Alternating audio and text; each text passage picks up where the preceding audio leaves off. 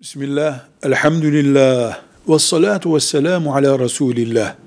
Dua yani Allah'a yalvarmak, bir şey istemek, bir afetten korunmak, kesinlikle Arapça olmalıdır diyemeyiz. Asla diyemeyiz. Dua kulun yalvarmasıdır.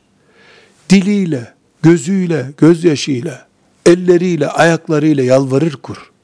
Kulun bu yalvarışı hangi dille olursa olsun. Allah her dili bilir. Her derdi anlar. Ama Kur'an-ı Kerim'in tarif ettiği dualar, mesela Rabbena atina fid dünya haseneten ve fil ahireti haseneten ve qina azaben nar. Kur'an'ımızın öğrettiği bir duadır. Muhteşem bir duadır. Anlamını bilelim bilmeyelim muhteşemdir. Peygamber sallallahu aleyhi ve sellemin mübarek lisanından çıkan duayı olduğu gibi okumak e, olduğu gibi şifadır. Ama duanın dili Arapça olacak diye bir şart yoktur.